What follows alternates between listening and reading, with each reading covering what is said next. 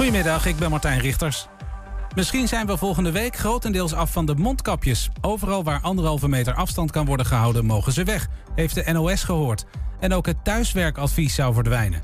Volgens minister De Jonge gaat het vaccineren geweldig en staan alle coronamaatregelen ter discussie. Vrijdag is weer een persconferentie. In Spijkenisse heeft de politie in een woning een raketwerper gevonden. Agenten deden een inval bij een man die wordt verdacht van wapenhandel. Hij is gearresteerd en wordt verhoord. Voor het eerst dit jaar is het lokaal tropisch. De Limburgse plaats L noteerde tegen 3 uur 30,6 graden. Het is een landelijke tropische dag als het in de beeld 30 graden is, maar zover is het nog niet.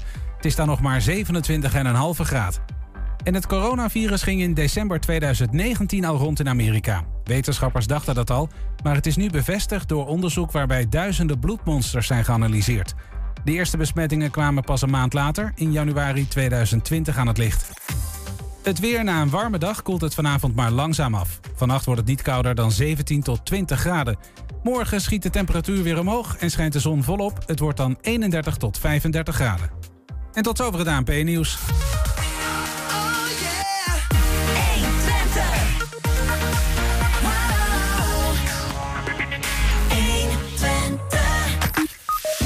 Hengelo discussieert over twee gokgelegenheden die zich in de stad willen vestigen.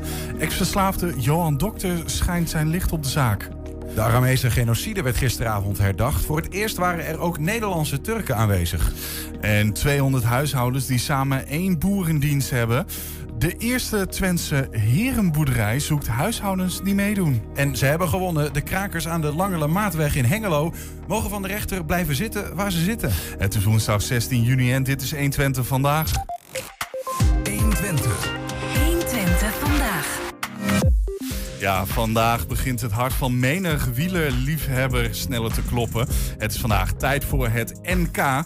Trappen af met de tijdrit voor belofte mannen en vrouwen. En diezelfde wedstrijd ook voor de elite.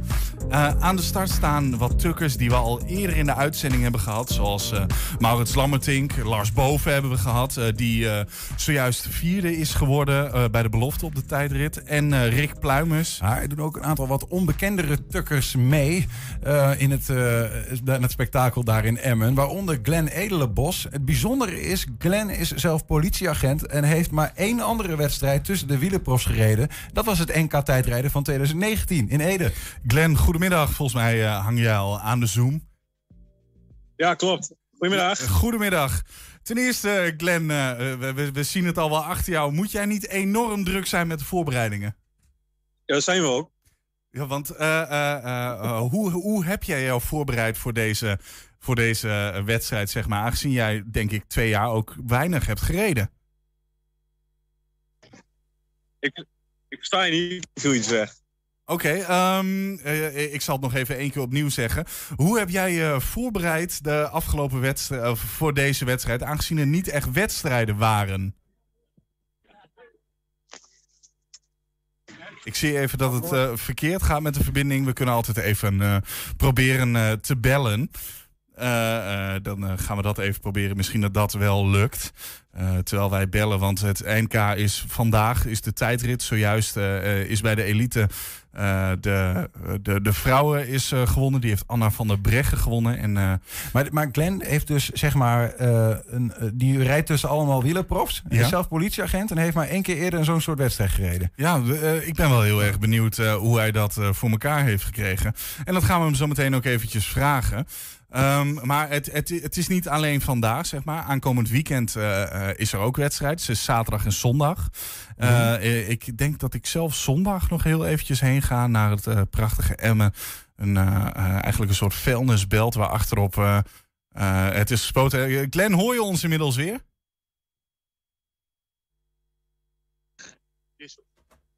Nee, nog steeds niet. Ja, ik hoor jullie nu. Maar ah. ik word in de tussentijd wat gebeld, dus dat is echt ontzettend ja, nou, wij, wij bellen ja, jou. Wij, bellen jou. Misschien dat de connectie dan... Uh, oh, wij, wij, we, bellen jou voor het geluid. Dus neem even je telefoon op als je wil, Glenn. Dan kunnen we je op die manier horen. Ja, ja, is goed. Is nou, goed. Doen we dat eventjes zo. Aankomende zondag is dus, uh, is dus uh, de, de wegwedstrijd. Dit is uh, ongeveer 40 kilometer vol knallen. daar staat tijdrijden bekend om, Niels. En Als je een tijdrit doet, dan, dan start je de hele tijd achter elkaar, toch? Dat is het idee. Dat je Ja. niet tegen elkaar rijdt, maar achter elkaar. En wie de snelste ronde heeft, die wint. Ja, daar heb je helemaal gelijk in. En dan eh, eh, eh, krijg je dus een tijdsverschil. En daar eh, eh, is. eh, Glenn heeft eerder meegedaan in Ede. 2019 was ook het laatste. Echt voor de coronacrisis. De wegwedstrijd is toen wel ge- gefietst dat, dat jaar erop. Die eh, won Mathieu van der Poel, die zondag ook eh, eh, aan de start staat. Maar daar ook aan de start kunnen we zien Rick Pluimers, Maurits Lammertink, alles erop en eraan. Dus de, de grote elite. We hebben hem volgens mij aan de lijn als ik zo kijk. Dan zeggen wij nogmaals, Glenn, goedemiddag. Ja, goedemiddag. Dit werkt beter. Ja, dat werkt dan ietsjes beter. Het, zal, het zal wel ook druk zijn. Hoe, hoe heb jij de voorbereidingen naar deze wedstrijd beleefd? Nou, ehm kwam nogal plotseling allemaal. Een maand terug eh, kwam er in één keer een bericht dat er toch een NK tijdrijden zou eh, gepland worden. Dus toen was het hals over kop eh, de tijdritfiets uit de schuur en ja, trainen op dat ding. Ja, want wanneer is de laatste wedstrijd die jij hebt geraced, zeg maar? Ehm, de, laatste, de, laatste, de laatste wedstrijd was vorig jaar een, ja, een crosswedstrijdje. Dus ergens. De- dat, dat is echt het laatste geweest voordat jij hier aan het, eh, aan het NK gaat beginnen.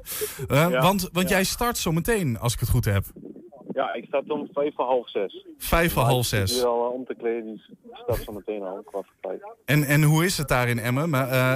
Is er een beetje een gezonde spanning, een leuke sfeer? aardig warm, heb ik vernomen. Ja, het is hier warm. Maar de sfeer is hier mooi. De hele enclave van, van Jumbo-Visma die is opgetrommeld staan. Daar hebben we uitzicht op. En eh, ja, het is gewoon fijne wielersfeer. Je ziet hier van alles gebeuren. En, eh, bekende, Ja. bekende koppen allemaal. Dus, eh, dus je bent ook wel even naar de bus heen gegaan om, om even hallo te zeggen? Nou, ik verwacht dat ze hier even langskomen eigenlijk. ja, want in, in Ede werd je zeg maar 22ste eh, van de 49. Hoeveel Ja. mensen doen er vandaag in jouw klasse zeg maar mee? Ja, we hebben dus ehm, een ge- gespreid klassement en een algemeen klassement. En er zijn eh, 11 wielerprofs. En die worden ingedeeld in, een, eh, in, het, in, het, in, het pro, in het profklassement. En dan eh, blijven er eh, nog van de 48 renners blijven de, ja, blijft de rest eh, blijft dan over. Dus, dus En, eh, wa- wa- wa- wat houdt dat precies in? Waarom twee klassementen? Nou, je hebt ehm, dus een elite zonder contract, dat ben ik. Dat ben je dus geen prof. En je Ja. hebt een elite met contract. En dan ben je dus prof. En die klassementen die zijn ehm, gescheiden. Oké. Omdat het verschil toch wel behoorlijk is daartussen. Tussen Dus- een dus normale, het- normale persoon die moet werken en, eh, en een wielerprof.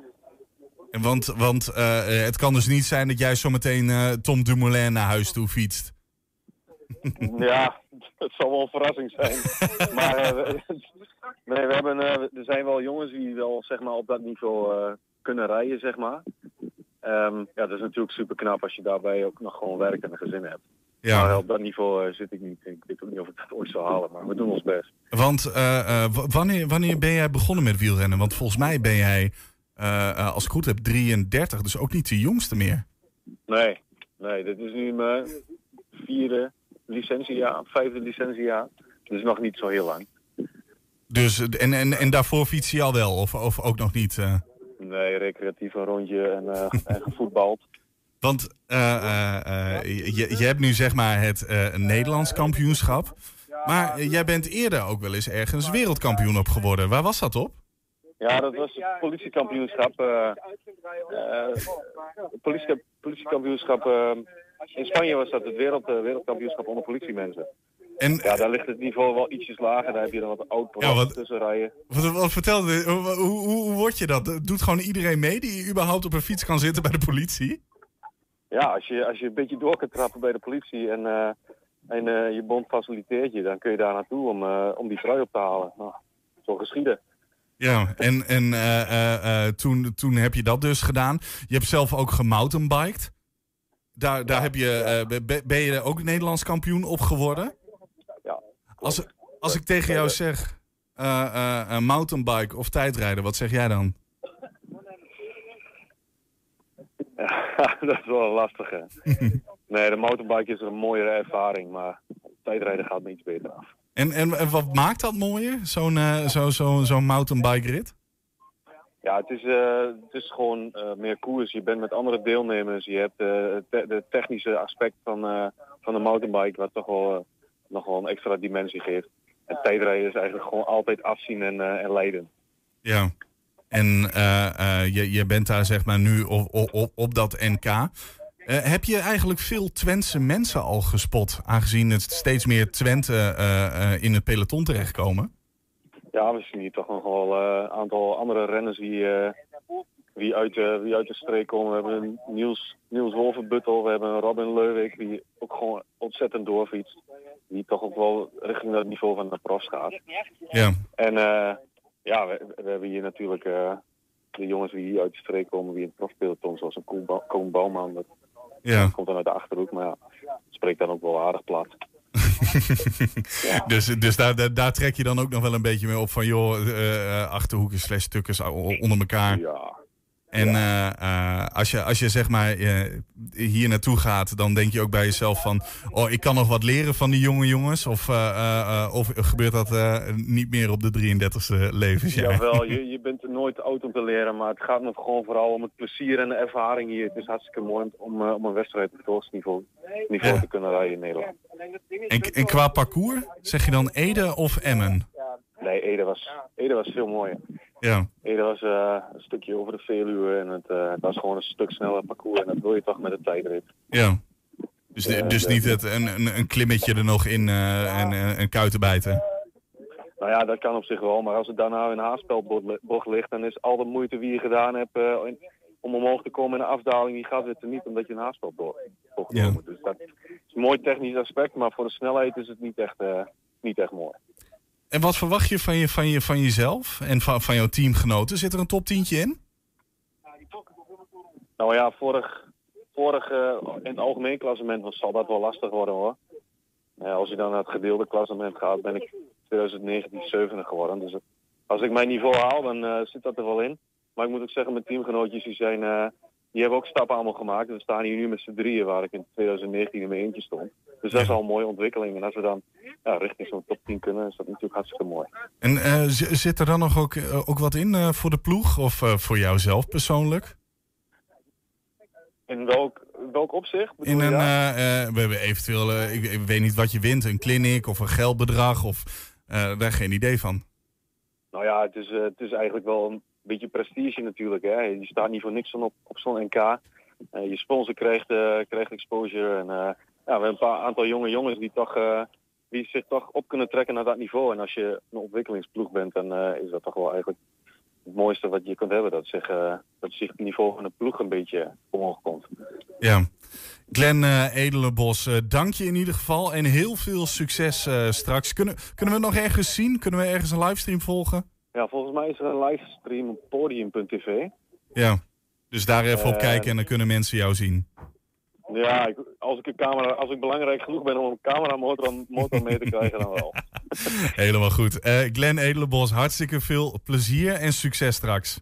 Ja, bedankt voor de aandacht, jongens. Dag. Straks een terugblik op de herdenking van de Aramese genocide gisteravond. Eh, heb jij nog een eh, tip voor de nieuwsredactie? Iets wat we kunnen meenemen in deze uitzending of op onze website? Mail dan even naar info.120.nl en mogelijk eh, kijken wij er dan naar. 1 120 vandaag.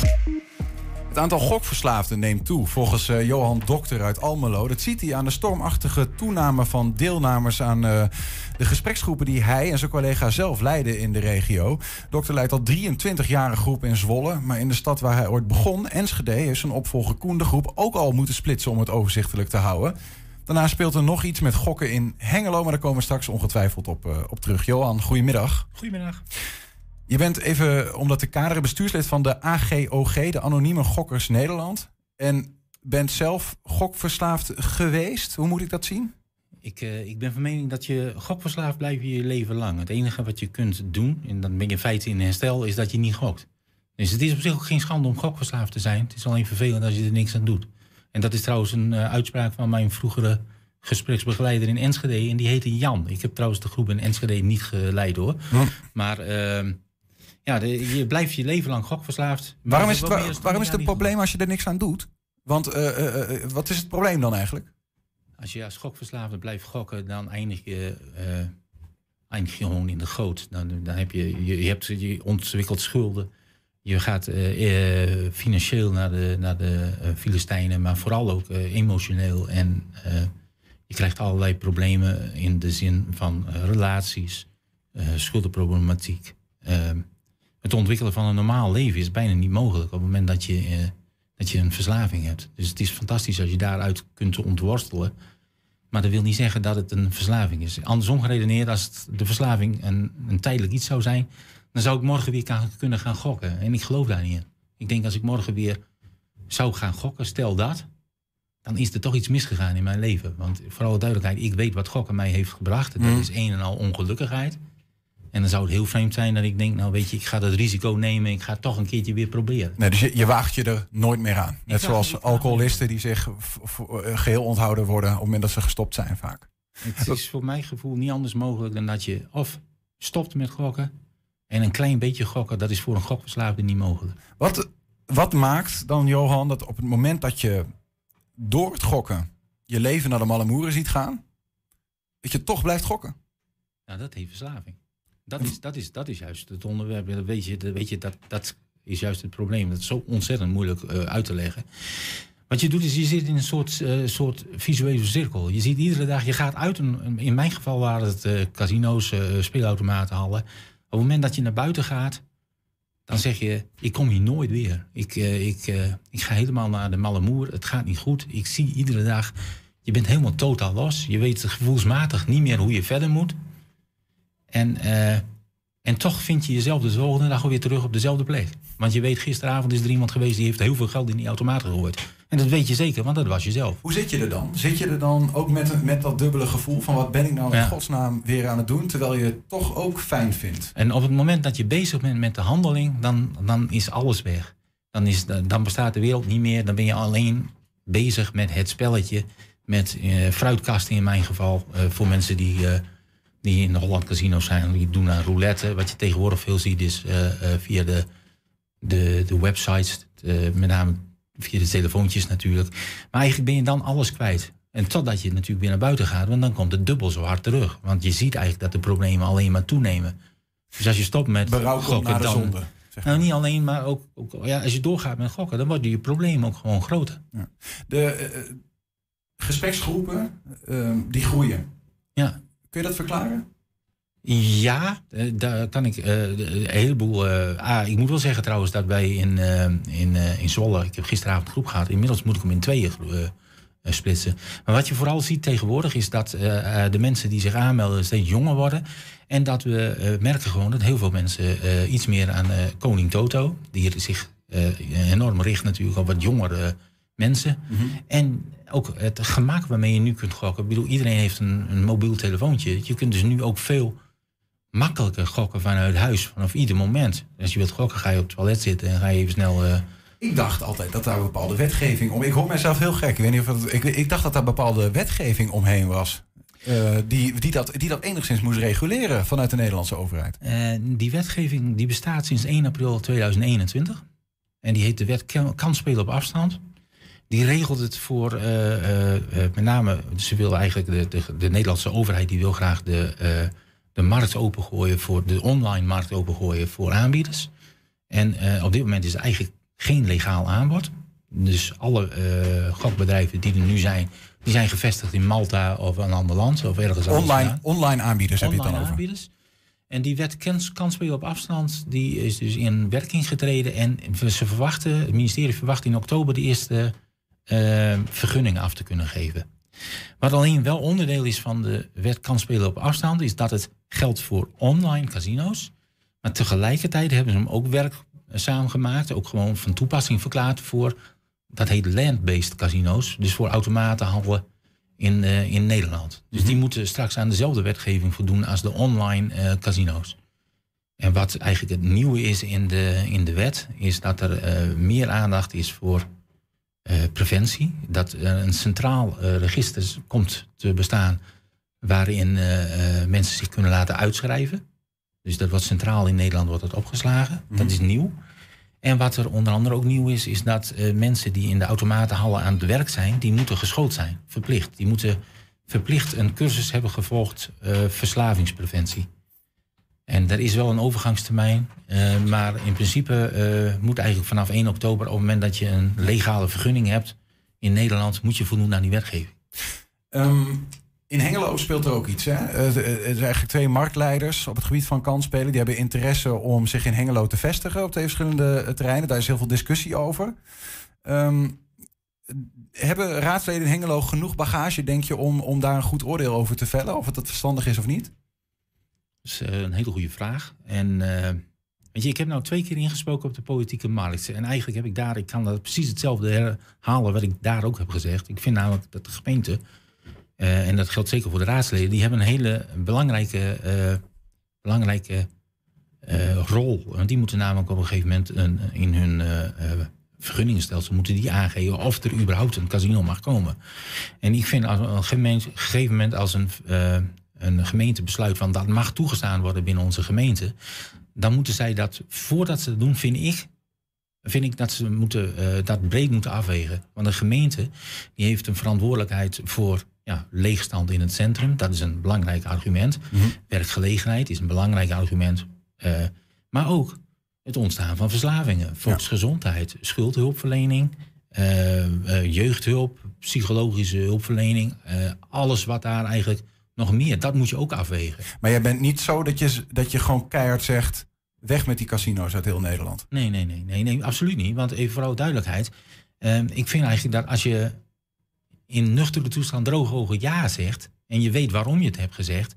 Kijk, iedere gokverslaafde, waarop? iedere gokverslaafde Ja zegt waarop? als, om als gemeente dat je zegt... ik wil daar graag een casino hebben Ja? in mijn eh, eh, grenzen... dan weet je waaraan je begint. En iedere gokverslaafde zal zeggen... als je wilt gaan gokken, kun je gaan gokken. Dus dat kan altijd. Voor de mensen in Hengelo, als die willen gaan gokken... kunnen ze naar, Band, naar Bentheim, ze kunnen naar Gronau... ze kunnen naar Holland Casino's in Enschede. Mhm. in, eh, in Deventer zit eh, een grote casino. In Eibergen zit Ja. een casino. Ja, maar Dus als het in Hengelo is, maak je het wel rijden- makkelijker. Rijden kun je al gaan, gaan gokken. Ja. Maar als je het in, in Hengelo haalt, dan wordt het wel makkelijker, toch? Wordt het bereikbaarder? Is, is daar een, wat is die afweging eigenlijk? Wordt het daardoor erger? Of ga je het juist reguleren dicht bij huis en wil je dat eigenlijk? Nou, dit zijn twee elementen. Natuurlijk is, ik kreeg eh, toevallig in de laatste politieke markt kreeg ik de vraag: heeft u liever een legaal dan een illegaal casino? Natuurlijk heb ik liever een legaal casino. Dan kun je nog wat reguleren. Alleen de vraag is of een legaal casino ervoor zorgt dat er geen illegale casino's meer zijn. Dat is één. En twee, wat misschien veel belangrijker is, op het moment dat je meer casino's toestaat, dan neem je ook, neemt ook het aantal gokverslaafde mensen toe. En dat is een afweging die moet je als gemeente Is dat, maken. is dat uit onderzoek eh, blijkt dat? Ja, ik had gisteren een vroeggesprek met jouw eh, collega, eh, die, een redactielid, Franklin. En toen zei ik, ik zit te wachten. Ik heb namelijk een, een professor dokter Goudriaan in de UMC Amsterdam had ik een mailtje gestuurd. Mhm. Want daar had ik gezien dat hij een stuk had gepubliceerd over dat verband. En ik had gevraagd of zij dat, dat onderzoek wilde delen met de gemeente Hengelo. En gisteren had ik het nog niet. Maar een half, jaar, een half uur nadat je de redacteur eh, neerlegde, kreeg ik een mailtje. En ze zegt, ja, ik, onomstotelijk. Ik heb wel vijf, vier, vijf verschillende onderzoeken. Des te meer eh, aanbod er is, des te meer gokverslaving ontstaat. Het is wetenschappelijk onderbouwd. Eh, Maar wat betekent dat? Wat, wat moeten we met die, met die informatie dan? Want dan zou je ook kunnen zeggen... ja, we willen er juist wel vanaf. Toch? Tenminste, ik, ik neem aan dat u van wel van het kant bent. Eh, Je, wil geen gokverslaafde zijn. Ik wil geen gokverslaafd zijn. Maar even vooral duidelijkheid. De afweging of er een casino moet, moet komen. Die, weet je, een casino is een legale branche. Dus ik bedoel, het is, de ondernemer die een casino wil stichten, die, die is niet bezig met illegaal werk. Dat is gewoon normaal, legaal. Eh, of het een eerzaam beroep is, is maar het is in ieder geval een legaal beroep. Dus die kan je niks verwijten. De, de, de gemeente die moet afwegen of zij dat binnen hun gemeentegrenzen willen hebben. Dat is de verantwoordelijkheid die de gemeente Hengelo Ja. heeft. Ja, en maar daar goed, spreek ik zo op aan. Dus die moeten daarover nadenken. En dat is een politiek standpunt. Ja, maar wat is uw advies dan? Want uiteindelijk moeten we dat Ik met elkaar... Wij, zijn, wij bepalen dat met elkaar, met z'n allen, als politiek. Ik zou het niet doen. Ik zit niet in de gemeenteraad in Hengelo, maar ik zou, ik zou het niet doen. En, en, en, en niet alleen omdat het een aantal mensen in diepe problemen brengt. Want dat is op zich misschien al wel genoeg. Maar ook omdat je als gemeente moet afvragen van wat voor gemeente wil ik zijn. Kijk, eh, eh, laat ik zo zeggen. eh, je hebt, op dit moment heb je geen legaal casino in de gemeente Hengelo. Maar is dat erg? Misschien is dat wel gewoon iets waar je trots op moet zijn. In de, ja, waarom, waarom zou dat problematisch zijn? Ga je niet mee in de vaart der volkeren als je als enige gemeente in de omgeving. En trouwens, dat is niet zo, maar in, in Almelo zijn ze ook niet. In Hellendoorn zijn ze niet. In, in nergens zijn ze zijn overal niet. Maar is het zo erg dat je niet een casino binnen die gemeentegrenzen hebt? Ik vind dat nog niet zo erg. Tot slot, ehm, de, u leidt zelf al 20 jaar gespreksgroepen, geloof ik, hè? Ja, 23. 23 zelfs. Wie, uh, wie zit er aan het tellen? Ja. Dat zal dan ongetwijfeld een dankbare taak zijn. Anders zou je dat denk ik niet 23 jaar vol. Fantastisch werk. Zijn er, is hoe helpt dat mensen? Nou, wat je ziet is mensen die komen binnen en die zitten in zak en as. Die weten echt niet meer waar ze moeten beginnen. Dus die beginnen met ook, ja, de, de meesten zeggen van, weet je, ik kan ook helemaal niet over mijn verslaving praten. Ik, het is een groot geheim en het is ook iets wat ze individueel enorm bezighoudt. En dan zie je ze langzaam maar, zeker zie je ze op een gegeven moment, zie je ze ontwikkelen. En dan zie je dat ze het gesprek kunnen voeren en dat ze dichterbij komen van, bij zichzelf komen. En dat ze steeds, uh, je, ziet, je ziet ze opbloeien. Is dat wat het meeste helpt? Dat je dus over je problematiek praat, dat je er open Absoluut. over bent en dat het oude niet open is? Absoluut. Dat is het allerbelangrijkste les van, uh, van het bestrijden van je eigen gokverslaving. Ja. Dat je er eerlijk over bent, dat je open bent. En ook dat je het erkent. Want uh, de, heel veel mensen die gokken, die gokverslaafd zijn, die zitten de eerste tijd nog heel erg in de ontkenning. En voor de, of het trouwens misschien nog heel belangrijk is, het duurt ook ontzettend lang voordat mensen hulp zoeken.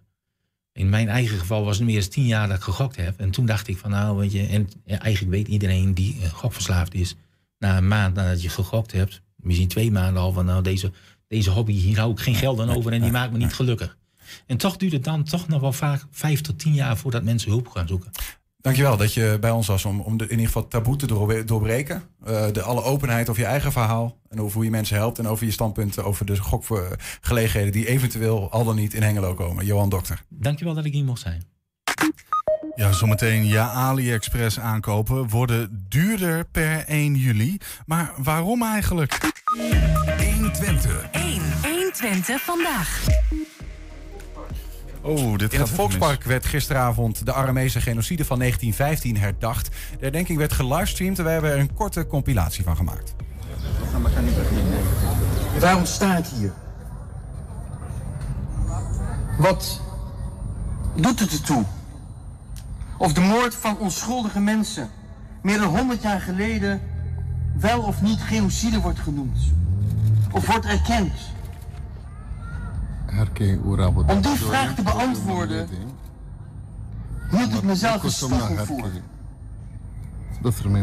Hoe zou ik reageren als het bestaan van de holocaust ontkend wordt of gereduceerd tot iets kleinschaligs? Ik zou het onacceptabel vinden. Ik zou het ervaren als een pijnlijke en een flagrante belediging naar hen die toen vermoord werden. En naar het nabestaande van u. Erkenning is zeer belangrijk. Omdat erkenning enigszins de pijn van de gapende, open, traumatische wond verlicht. Onze jeugd moet weten wat er gebeurd is. Om te voorkomen dat het weer kan geschieden. De ontelbare misstanden tegen de mensheid vinden helaas vandaag de dag nog steeds plaats. Niet omdat volken niet met elkaar kunnen samenleven, maar enkel omdat er een verdeel- en heerspolitiek wordt gevoerd. We hebben als vredelievende mensen en krachten het verbindende woord leidend te maken. We kunnen oude wonden enkel helen door elkaar te spreken en elkaars pijn te begrijpen. Vandaag herdenken we de genocide, grote catastrofe van de jaren 1914-1915. De geschiedkundige werkelijkheid is op menselijk niveau bijna onvatbaar.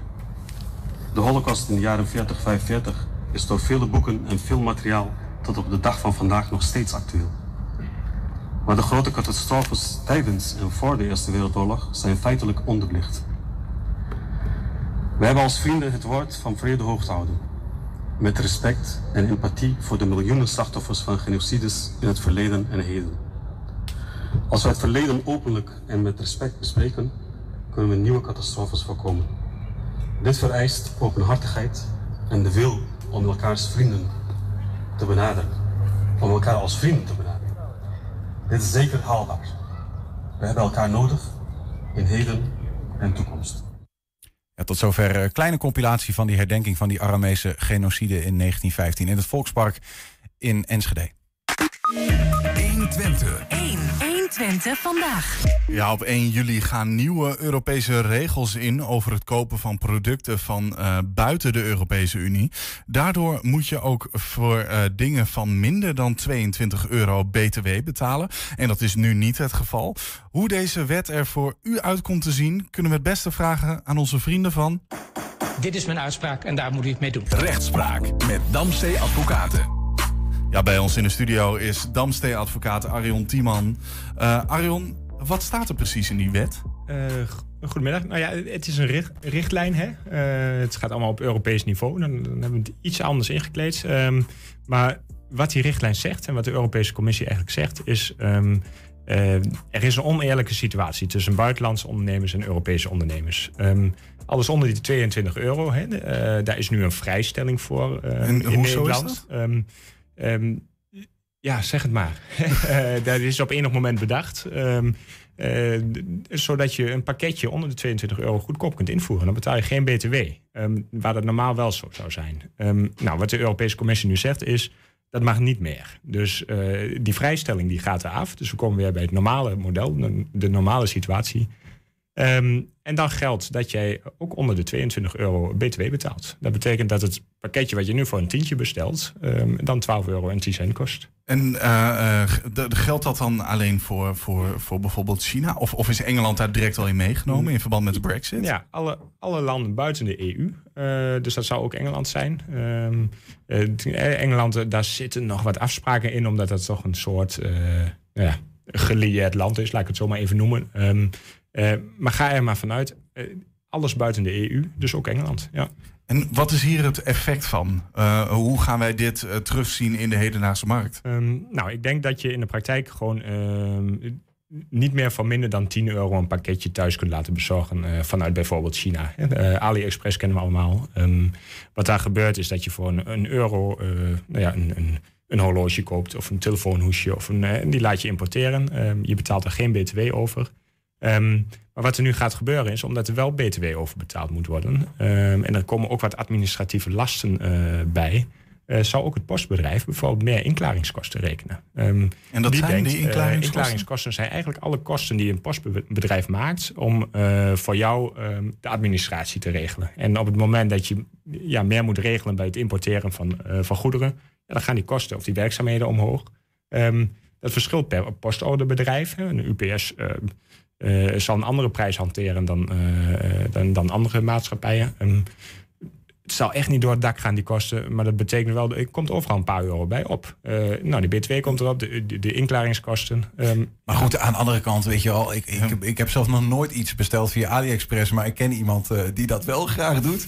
Uh, en, ik niet hoor. Voor, voor, ja, voor 1 euro kun je echt absurd... De, de dingen die je daar kunt halen... en dan, als het dan 3 euro wordt... Ja, dat is dan vaak nog steeds niet echt heel veel, toch? Um, nee, dat klopt. Uh, maar waar het vooral om gaat, en dat is ook de achterliggende, achterliggende gedachte, is dat er een, een soort concurrentieongelijkheid is tussen uh, buitenlandse ondernemers of ondernemers buiten de EU en Europese ondernemers. Want op het moment dat een Nederlandse ondernemer wel die 21% moet betalen voor zijn producten en dus uh, hetzelfde telefoonhoesje voor 1,21 euro moet verkopen. Ja. Um, en de, de Chinese ondernemer die hoeft die laatste 21 cent niet te betalen.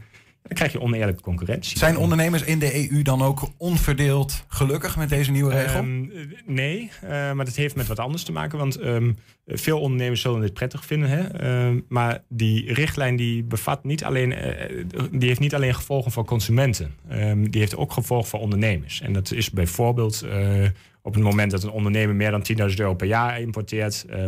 en, en een deel gaat naar Frankrijk van die import en een deel naar Nederland dan krijgt die ondernemer uh, ook te maken met bijvoorbeeld Franse belastingen. Um, dat is een, vaak een ver van je bedshow. Dus er moet ook achter de schermen bij ondernemers redelijk wat geregeld worden. En uh, je, die, je, hebt nu die sites, daar zijn eigenlijk uh, soms wel van die slimme jongens die, uh, die de gazen daarin aan het zoeken zijn. is het de niet dropshippers. Zo, ja, is, is het niet zo dat, dat we zomaar over een jaar of zo ergens een, een slinkse weg hebben gevonden om door deze regel heen te um, komen? Nou, ik denk dat die er nu al zijn, hè? niet over een jaar. Um, maar je krijgt een onderscheid tussen erkende en niet erkende winkels. Um, en dat heeft ermee te maken, eh, nou ja, je kunt ook als, als buitenlandse uh, ondernemer, stel je zit in China, dan kun jij ook al regelen dat jij bijvoorbeeld al wel die BTW betaalt. Dan heeft jouw klant daar geen last van. Dan betaal je dat meteen bij de kassa, krijg je niet achteraf een briefje van het postbedrijf. Um, ik kan mij voorstellen dat jij bijvoorbeeld een pakketje eerst naar Frankrijk uh, laat importeren. En dat gebeurt nog op, op kosten van de, nou, de AliExpress bijvoorbeeld. Hè. Die heeft ook vestigingen in Frankrijk waar je kunt bestellen. Je kunt dat aanklikken. Mm Dan zeg ik, nou, dit pakketje wil ik graag ontvangen uit Frankrijk. En Frankrijk zit binnen de EU, die heeft geen last van deze regelgeving. Dus dan komt het pakketje al rechtstreeks naar jou toe. Dus um, is het water dicht? Weet ik niet. Um, maar het gaat over de grote linie gaat het heel veel effect En de intentie, denk ik, vanuit de EU om dit soort uh, concurrentie aan banden te leggen, denk ik dan ook. ook en dit soort mazen in de wet dus uiteindelijk wel te gaan dichten.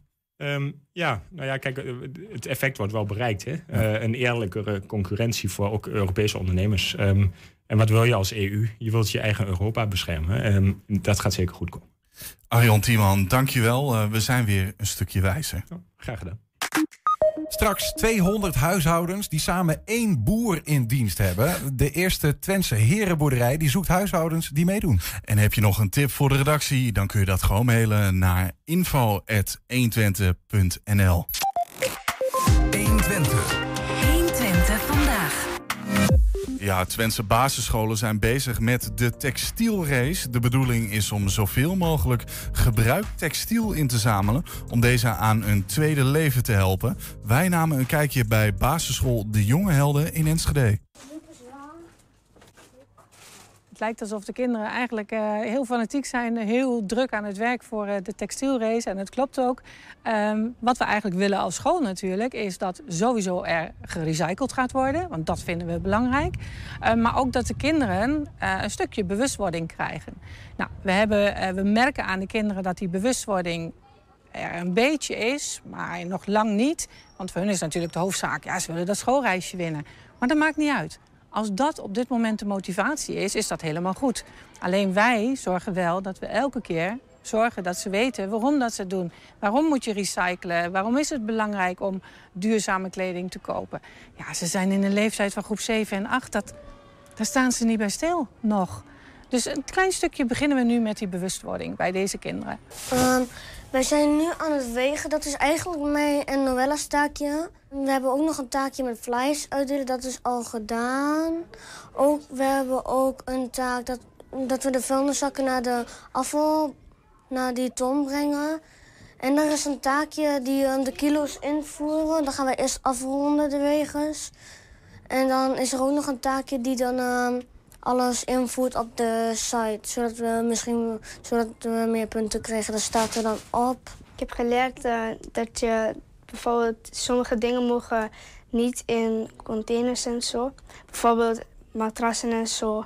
En kleren mogen er bijvoorbeeld wel in, zoals schoenen, knuffels en andere dingen.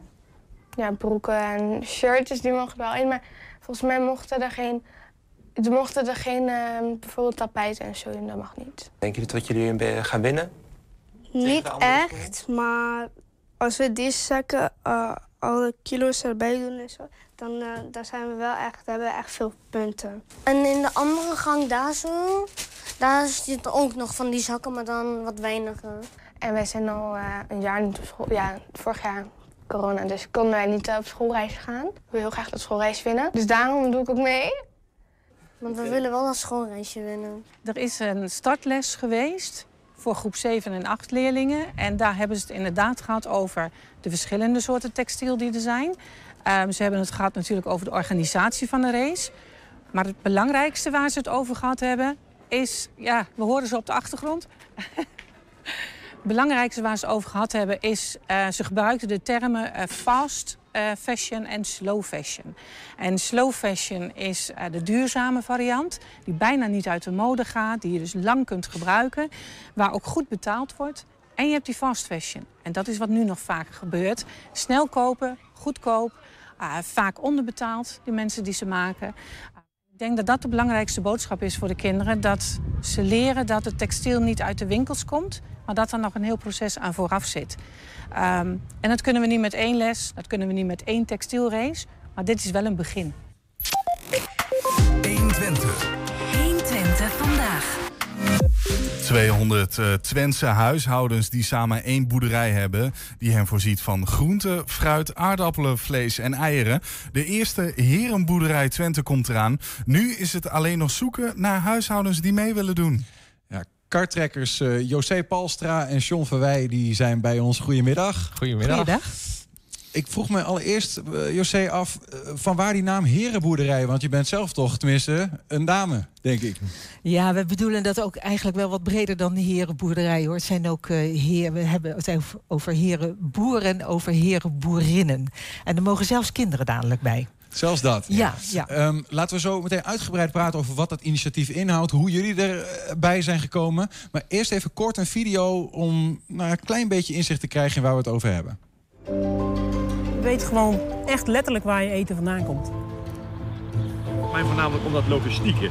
Dat ik gewoon vlak bij mijn eten ben. Dat ik mijn varkens ken, dat ik weet uh, welk varken geslacht wordt. Dan hoor je er eentje. En ook dat we daar zelf uh, op sommige momenten ook nog aan hebben meegewerkt. We hebben op de plantmachine in het voorjaar bijvoorbeeld mee de, de plantjes gezet voor de kolen. Wat belangrijk is, is dat, dat de herenboer mede-eigenaar is van deze boerderij. En dus ook mede-eigenaar is van alles wat hier geproduceerd wordt. En dat je dat op na een aantal maanden op een gegeven moment weer van je land af mag halen, inderdaad, ja, dat is, dat is prachtig. Je laat zien dat je met een groep mensen een boerderij kunt oprichten en daar met elkaar van kunt eten. En door die stap te zetten als individu, draag je gewoon langzaam bij aan een stapsgewijze transitie naar een nieuw voedselsysteem in Nederland.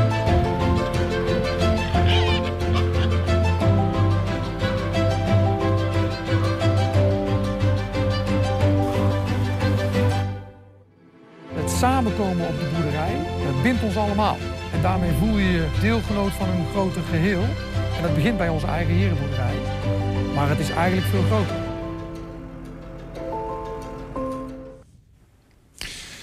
Het ziet er gezellig uit, dat allereerst. Maar het is niet de bedoeling, John, dat het een soort van... Uh commune wordt, toch? Rondom nee, die nee, boerderij? Nee, nee, juist niet. Want uh, het hele idee is dat er een, een, een boer letterlijk uh, wordt ingehuurd... dus in loondienst is van de herenboerderij... die het overgrote deel van die boerderij runt en, en, en regelt. Dus uh, de, de, de leden zijn eigenaar en die investeren in feite in de boerderij... zijn mede-eigenaar, mede-aandeelhouder van de boerderij... Um, en uh, in ruil daarvoor krijgen ze de opbrengsten. Namelijk uh, groente, fruit, uh, vlees. alles wat de boerderij produceert wordt verdeeld onder de leden. Mm -hmm. De boer die regelt dus de productie daarvan. Ik ben geen boer, ik heb er ook geen verstand van. Bouw ik ook graag zo houden. Uh, maar uh, we kunnen wel die boer op bepaalde momenten helpen. Dus het zou best kunnen zijn dat er een aantal mensen zijn die zeggen van ik vind het leuk om een keer te helpen planten of om straks een keer de appels te gaan plukken of uh, weet ik veel wat te, te, gaan doen. Maar dat is zeker geen verplichting. Nee, en daar staat, ontstaat dan mogelijk wat uh, collateral ja. damage, namelijk gezelligheid ja, met elkaar. Ja, Precies, en dat is ook heel nadrukkelijk wel ook wat we willen. Hè? Dus het is meer dan alleen maar een, uh, ja, een productiesysteem. Het is, het is wat John zegt, je bent mede-eigenaar van de boerderij. Mhm. Mm -hmm. En uh, ja, we zoeken er ook de gezelligheid. Hè? De, de herenboerderijen die er zijn, er staan hele grote stamtafels... waar op de zaterdag als je je groenten en fruit komt halen... waar je ook even met elkaar een, een biertje kan pakken. Dus de gezelligheid zoeken we ook. Die, die, weet je, je noemt al de herenboerderijen die er zijn. Er zijn er dus al wel wat in Nederland, maar nog niet in Twente. Dat klopt. Er zijn inmiddels uh, in Nederland negen werkende herenboerderijen. Uh, de eerste uh, startte, nou, ik denk een jaar of zes of negen geleden in Bokstel. Um, nou, dat, dat, uh, het hele idee van de herenboerderij is daar eigenlijk ontstaan en verder uitgewerkt. En ze hebben min of meer een soort van blauwdruk hoe je een herenboerderij kan opzetten. He, dus een coöperatieve, kleinschalige boerderij. Nou, Mhm. mm -hmm. he, zoals ja. John zei, he, waar je je vlees, groenten, fruit, eitjes uh, uh, vandaan kan halen. En hoe ben jij er dan uiteindelijk zelf bij gekomen? Uh, nou, ik ben al heel lang uh, ja, toch geïnteresseerd. Ik denk van, goh, uh, we moeten beter met die natuur omgaan. We zitten toch met ons huidige voedselsysteem... zitten we toch wel heel veel natuur te verknoeien. Wat is het probleem daarin, in het huidige systeem? nou, we hebben toch wel een industriële landbouw, kan je zeggen. Waar we allemaal ja, prachtig, schoon en heel goedkoop voedsel vandaan willen halen. Maar dat heeft ook een prijs. En dat is toch ja, het bespuiten van de groenten, het uitputten van de bodem... Ja, en langzaam maar zeker weten we dat we minder insecten in deze wereld krijgen. Daarmee minder vogels. Mhm. Nou, en uh, het is toch wel heel fijn als we onze kinderen en kleinkinderen... Uh, nog steeds een mooi Nederland kunnen bieden. Ja. Dus, eh, en het herenboerenprincipe eh, helpt daarbij. En toen zag je dat initiatief in Bokstel en toen dacht je, wat is dat? Ja, artikelen in de krant ook. En eh, nou, ik was al wat langer aan het rondkijken. Er zijn meerdere initiatieven. We kennen overigens ook biologische boeren in, eh, in Twente, hè, waar we allemaal heel blij mee mogen zijn. Mhm. Eh, nou, een herenboeren is, eh, is erg ambitieus. Hè. Ze, ze zeggen eigenlijk, we willen zoveel mogelijk uh, ja, de herenboerderijen in Nederland... die volgens het natuurgedreven het principe werken. Mhm. Kleinschalig en de eigenaren van de boerderij, van de coöperatie... bepalen samen met de boer wat er geteeld wordt. En het idee, ja. Maar daarvoor is wel uh, het draagvlak nodig. Hè? De, het het ja. getal 200 huishoudens is genoemd. Want je zei al, John, van jullie leggen dan als 200 huishoudens... ja, jullie betalen eigenlijk die boer en alles wat erbij komt kijken, denk ik. Ja. Um, uh, hoe, heb jij, hoe ben jij over de streep gegaan? Nou, ik, ik ben eigenlijk uh, een beetje wakker geworden naar een televisieuitzending die helemaal ging over, over landbouw en de gevolgen daarvan voor de, eigenlijk de verschraling van de landbouwgrond in Nederland. Um, tegelijkertijd ben ik zelf wel heel erg bezig van hoe kan ik mijn eigen leven zo duurzaam mogelijk in, uh, inrichten. Uh, energie-neutraal, uh, hè, dat soort dingen. En ja, voedselproductie vind ik daar ook een hele interessante van. En dit is een heel duidelijk initiatief wat ehm, het lokale combineert. Dus echt lokaal produceren. Ehm, tegelijkertijd goed omgaan met de grond, met de leefomgeving. Ook ruimte bieden voor natuur. Uh, dus daar zitten een heleboel aspecten in waarvan ik, uh, waarvan ik denk, nou, dat is een goede ontwikkeling. En ik vind dit is gewoon iets, dit is iets waar we gewoon zelf met ons clubje, met de deelnemers ook daadwerkelijk invloed op hebben. Ja. Ik heb niet zo invloed, veel invloed op uh, hoe, hoe heel grootschalig landbouw wordt gedaan. Maar ik kan wel invloed hebben op, op mijn eigen herenboerderij. Want, want jullie hebben dan, zeg maar, als, je, als, je, als het uiteindelijk voor elkaar is, dan heb je met die club um, heren, boeren, we zeggen in ieder geval de, de, de mensen die meedoen, heb je samen vergaderingen over wat je wil dat er met je bedrijf gebeurt. Ja, in feite wel. Uh, de leden bepalen bijvoorbeeld uiteindelijk wat er geproduceerd wordt. En daar hebben we hebben de andere boerderijen natuurlijk al een heleboel ervaring op gedaan. Dus daar gaan we zeker gebruik van maken. Uh, maar als wij met z'n allen bepalen dat wij geen appels lusten, dan hoeven we geen appelbomen te planten. En als we juist denken van hè, we willen een aantal fruitsoorten, dat, dat zouden we kunnen produceren en dat kunnen we ook in Nederland goed doen, dan kunnen we met z'n allen besluiten om dat te doen. Kijk, en het mooie is natuurlijk dat we gewoon een heel ervaren boer uh, zullen aantrekken. He, die komt in loondienst bij, bij herenboeren. Die heeft, uh, uh, en dat is dan een boer die volgens de, ja, toch wel de biologische principes bereid moet zijn uh, zeg maar de boerderij uh, te runnen. Hij is in feite de bedrijfsleider van de boerderij. Ja, dat is een ervaren boer. Wij zijn als kartrekkers, geen van allen hebben we een agrarische achtergrond. Maar hebben wel allemaal uh, nou ja, Ja. de wens, Ja, ja. De wens om, om nou, verstandiger, gezonder en eerlijker voedsel. Ik kan me ook voorstellen, als je meedoet, dan doe je ook voor een x aantal jaren mee. Want, eh, te- of niet? Of, hoe, hoe, hoe werkt dat in de praktijk eigenlijk? Ja, dat klopt. Nou, op dit moment zoeken wij vooral heel veel geïnteresseerden. We proberen het eh, uit te dragen in Twente dat we dit willen doen. Eh, zodra wij zien dat we in een bepaald gebied, want het idee is echt wel dat die herenboerderij op fietsafstand van je woning moet staan. Zodra wij zien dat er in een bepaald compact gebied veel interesse is, nou, dan gaan we wat serieuzer over. Dan vragen we niet alleen of je eh, je wil abonneren op onze nieuwsbrief, maar dan vragen we om een intentieverklaring. En eh, als wij zeggen van nou, als we ongeveer 150 eh, mensen hebben die zeggen van nou, je krijgt van mij een intentieverklaring. Als die boerderij er komt, dan doe ik mee. Dan gaan wij heel concreet op zoek naar, naar grond allereerst. We zoeken ongeveer 20 hectare grond die we gaan pachten. En we gaan op zoek naar een boer. En van de leden vragen wij eh, uiteindelijk, als dat allemaal gaat gebeuren, Mhm. vragen wij een eenmalige inleg per gezin van 2000 euro. Om mee te kunnen starten. Om mee te kunnen starten. Dat, is, eh, dat is dan zeg maar, eh, eh, ja, dus om de opstartkosten te kunnen betalen. om, hè, de om pacht jouw en- aandeel in de boerderij te kopen. Ja. Precies. Ja. En vervolgens is er nog een structurele... Ja, en vervolgens, hè, eh, ja, je zal niet meteen dag één eh, natuurlijk producten van het land krijgen, maar zodra we ook kunnen gaan oogsten, dan betaal- betalen de gezinnen eigenlijk per mond om en nabij 10 euro per week om daar je groente, fruit, vlees, eieren op te halen. Vegetariërs zijn ook welkom. Uh, ben, zelf ben ik vegetariër. En vegetariërs ja, die, die nemen niet het vlees af en die zullen een lager bedrag betalen. En is dat, is dat onder de streep, is er iets over te zeggen of dat ook nog financieel voordelig is in vergelijking met wat je gewoon uit de supermarkt zou halen? Nou, het zal in ieder geval niet duurder zijn. Uh, dus dat is in ieder geval uh, de praktijk. Het gaat niet duurder zijn. En die eenmalige inleg van 2000 euro. Wij gaan ervan uit dat het zo'n enorm succes wordt. Dat we een enorme wachtlijst van mensen zullen krijgen die heel graag mee willen doen. Gesprek helemaal. Dus als je na, na 10 jaar of na 20 jaar zegt van goh, ik verhuis weg uit Twente, uh, ik ga ergens anders naartoe.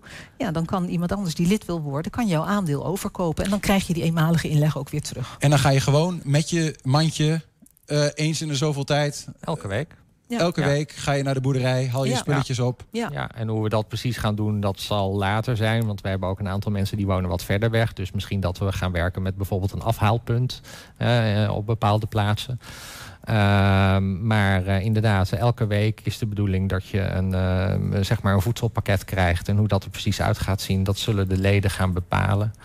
Ehm, en dat hangt natuurlijk ook een beetje af van de daadwerkelijke productie. Dus hebben we een supergoed oogstjaar, ja, dat betekent ook dat je wat meer krijgt. En eh, ja, hebben we een heel slecht jaar dat er minder productie is, dan zou het ook wel tegen kunnen vallen. Dat brengt er nog wat spanning in de, in Ja, de, Ja, ja, natuurlijk. ja, Ja, ja, dus, ja. dus als je eh, deelneemt ben je ook een beetje ondernemer, Ja. zeg maar. Juist ja. Ja, Ehm, ja. Meer informatie herenboeren.nl slash Twente. Klopt. Ehm, dank voor jullie, eh, voor jullie info. Eh, als mensen zich willen melden, dan kan het dus. En dan gaan jullie uitzoeken Ja. waar veel mensen zijn die enthousiast Ja, zijn. ja. Daar gaan we Ja. beginnen met de eerste herenboerderij Ja, Twente. ik zou zeggen, eh, vind je het een leuk initiatief? Eh, ga naar onze website herenboeren.nl slash Twente en meld je aan voor de nieuwsbrief, want dat is onze maatstaf voor de interesse.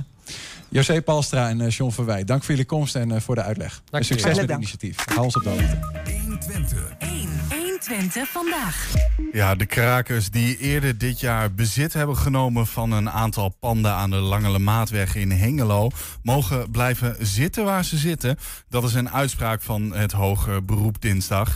Twee weken geleden oordeelde een Almeloze rechter nog dat de gekraakte woningen op last van een dwangsom van 20.000 euro verlaten moesten worden.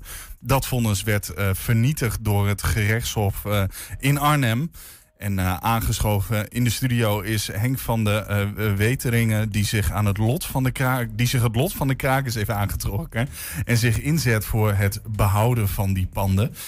Zit er een, eh, een vrolijke Henk naast mij? Ja, zeker. Ik ben natuurlijk standaard al vrolijk, maar eh, dit is natuurlijk helemaal om extra vrolijk van te worden, ja. ja. Wanneer hoorde je dat nieuws voor het eerst, Henk? Nou, direct nadat ik dus van, Frans bericht kreeg en hij het dus eh, hoorde, dat was eh, gisteren, dacht ik, ja. ja. En even heel concreet, wat betekent nou deze uitspraak van de rechter voor die bewoners? Dat zij daar kunnen blijven zitten.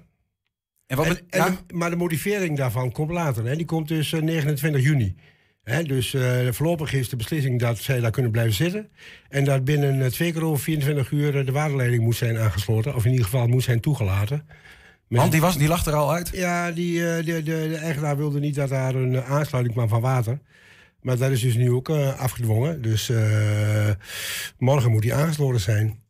Want- En, en- want het is breder, hè? Dan de bewoners die er nu in zitten, kunnen er blijven zitten. Maar je maakt je ook eh, niet alleen hard voor de bewoners, maar misschien zelfs nog wel meer voor het pand zelf. Die Ja. hele, al die pandjes die daar staan. Ja, precies. Hè? Omdat het namelijk een, een stukje is van de mozaïekwijk Berflo S. Dus er wordt een klein stukje van die mozaïek afgebrokkeld. Hè? Als het aan de projectontwikkelaar ligt. En dan komen daar comp- eh, 40 appartementen met eh, 18 eh, nieuwe woningen. Ja, op een heel klein stukje. Dat kun je je niet voorstellen dat dat kan, maar dat schijnt te kunnen. Dan ga je de hoogte in. En, eh, maar goed, dan krijg je natuurlijk een heel raar stukje ei- uiteinde aan de Berflo S... wat helemaal niet op de Berflo S lijkt. De Berflo S is een volksbuurt. Hè? Die is dus eh, op een archaïsche manier ontstaan. Niet vanaf het tekenplank bedacht. En, eh, en er is wel een heel mooi stukje bij het begin van de Lange Maatweg. Een pakhuis met twee wo- arbeiderswoningjes en daarnaast nog een blokje van drie. En op de hoek een heel leuk hoekwinkeltje. Allemaal eh, van voor eh, 1900. Nou, en die zijn eh, moeite van het eh, renoveren eh, waard. Ik heb toevallig ook verstand van eh, bouwkunst en bouwkunde. En eh, ik ben binnen geweest en dat heb ik de vorige keer ook al gezegd. Die woningen die kunnen gewoon weer eh, worden geüpgrade. Hè, een beetje verduurzaamd en daar gaan ze weer mee. Maar is dat ook wat er nu gaat gebeuren of is dat nog veel te vroeg om dat, te Dat is zeggen? ook de grap, dat er dus in de toekomst ook alleen maar woonbestemmingen eh, komen. Hè? Dus eh, nou, er, is al, er, is al een, eh, er staan al woningen. Ja, maar de deze panden staan toch nog steeds op de nominatie om gesloopt te worden? Ja. Ja, dat, dat is het vreemde er ook van. Maar goed, ik bedoel, de gemeente die heeft wat bes- bescherming van panden betreft, eh het ook niet goed voor elkaar. Want dat pakhuis waar daar staat is slechts voorbeschermd. Dus dat wil nog niet zeggen dat die echt beschermd is. Die, die, die twee eh, witte woningjes daarnaast, die, eh, dat is allemaal heel onduidelijk. Men wil dat graag wel beschermd hebben, maar dat is helemaal niet beschermd. Nou, en die eh, drie eh arbeiderswoningjes daarnaast, daar, vindt, een, ja, daar vinden ze van, nou, dat kan wel weg. Ja. Nou, dat vind ik dus niet. Ik vind, ik vind, ik vind dat de gemeente Hengelo die moet eh, nu met een om- omgevingsvisie bezig zijn. En dat is een beetje wel een belangrijk ding. De Nederlandse gemeenten in Nederland die moeten allemaal hun omgevingsvisie herzien.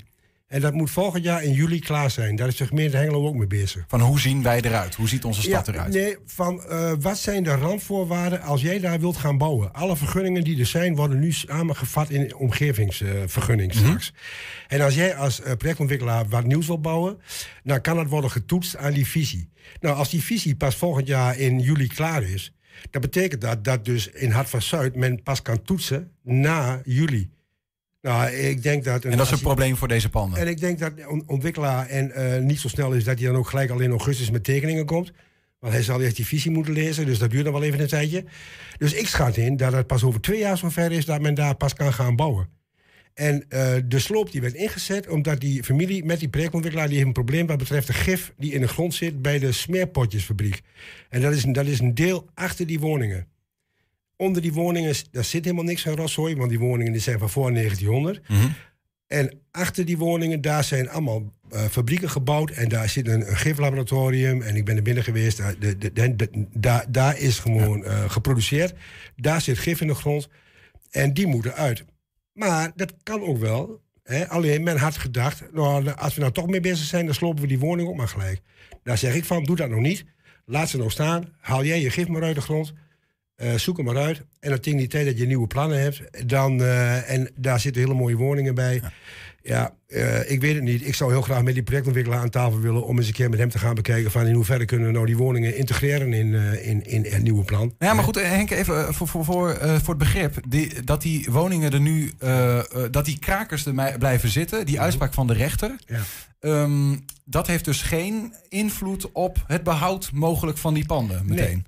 Er is nog helemaal geen enkele bescherming. Wat, wat, zegt, de- wat heeft de rechter dan gezegd, zeg maar, dat die, dat die krakers er mogen zitten? Wa- Waar hebben ze eigenlijk gelijk in gekregen? Nou, ze hebben gelijk weer gekregen dat er is geen eh, eh, eh, flora- en fauna-onderzoek heeft er plaatsgevonden. Terwijl wij daar dus vleermuizen zien rondvliegen. Ik zie ze het pand in en uit vliegen daar achter in die fabriek. Hè, maar voordat je met eh, eh, sloop überhaupt begint in een oud gebied wat al jarenlang leeg is, moet je daar beginnen met een, eh, een onderzoek. Dat hebben ze niet gedaan. En wat betreft sloopvergunning, het is nog helemaal geen sloopvergunning. Men is bezig om informatie aan, op te halen om aan een sloopvergunning te komen. Dus, dus de gemeente die wacht gewoon af, denk ik. En die doet niks. Ja, misschien dat ze wel in gesprek zijn. Maar is het uitstel van executie? Zeg maar, de- bijvoorbeeld, want Ja. mogelijk gaat de ontwikkelaar weer in beroep, nee, denk ik. Nou, dat denk ik niet. Ik denk dat die eh, nog even zegt drie keer achter de oren klappen of die wel verder moet gaan eh, met zijn plan. Maar hij heeft de grond nog niet eens eh, helemaal in handen van dat stuk grond, van dat hele gebiedje. Dus eh dat moet hij ook nog regelen. Dus, en ik denk wat betreft die omgevingswet, ja, ik bedoel, wanneer gaat die beginnen dan? Dus ik, ik heb zoiets van, ik weet het niet hoor. Maar dat weten we wel eh 31 juli, want dat is namelijk de uiterlijke datum waarop die overeenkomst tussen die familie en de projectontwikkelaar afloopt.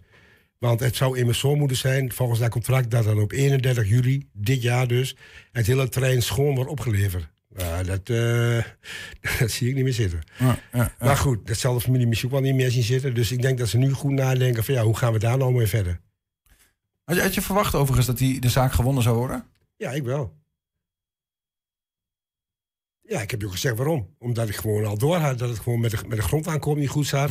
Ja, eh, dat, dat wat voor ligt alleen maar gaat over de gif die in de grond zit en de kosten die, daar, die daarmee gemoeid zijn, dat is de grootste angst. Ja, nou dan zeg ik van eh, ga ermee aan de slag, maar laat die woningen staan. Ja. Dat kan wel, want, want die, die, die, die woningen, dat betreft maar 10% van de, van de bebouwing van het hele stuk daar. Dus ik bedoel, dus, eh, die, die 90% die kunnen ze gewoon opruimen. En trouwens, dat hele smeerpotjesfabriek is misschien maar de helft. Maar ze weten precies waar het zit, dus daar kunnen ze mee aan de slag. In ieder geval, de- deze strijd is, is gewonnen. Hè? De, de krakers mogen blijven zitten. Ja. Ehm, eh, jij bent heel erg voor het behoud van, van, die, van die... In ieder geval, Ja. de kakers blijven voorlopig zitten. Ja. Eh, wat er gebeurt in de toekomst, dat moeten we maar zien. Maar je bent voorstander van het behoud van die panden. Ja. Ehm, hoe ga jij nou verder eh, strijden voor, dit, voor het behoud van die panden? Nou, ik heb al vragen gesteld aan het museum in Engelo... van of het ook niet een archeologisch onderzoek moet plaatsvinden. Want ik heb de vorige keer verteld dat er al in de middeleeuwen eh, bewoning was in de Bevel S. Dus eh, dat lijkt me ook wel interessant. Hè? Maar goed, verder, hoe verder ga, ja, eh, ik, ik, ik, ik, ik kijk heel erg goed nu wat, wat de gemeente nu doet. Want die, die, dat, daar, dat, ja, dat, dat, dat, ik, ik weet alleen dat ze met de omgevingsvisie bezig zijn. Hè? En ik weet dat dat pas in eh, juli volgend jaar klaar is. Maar hoe ze daarmee omgaan, ja, er komt een participatieopgang na de vakantie. Nou, daar ga ik zeker wel in meedoen. Hoor. Hè?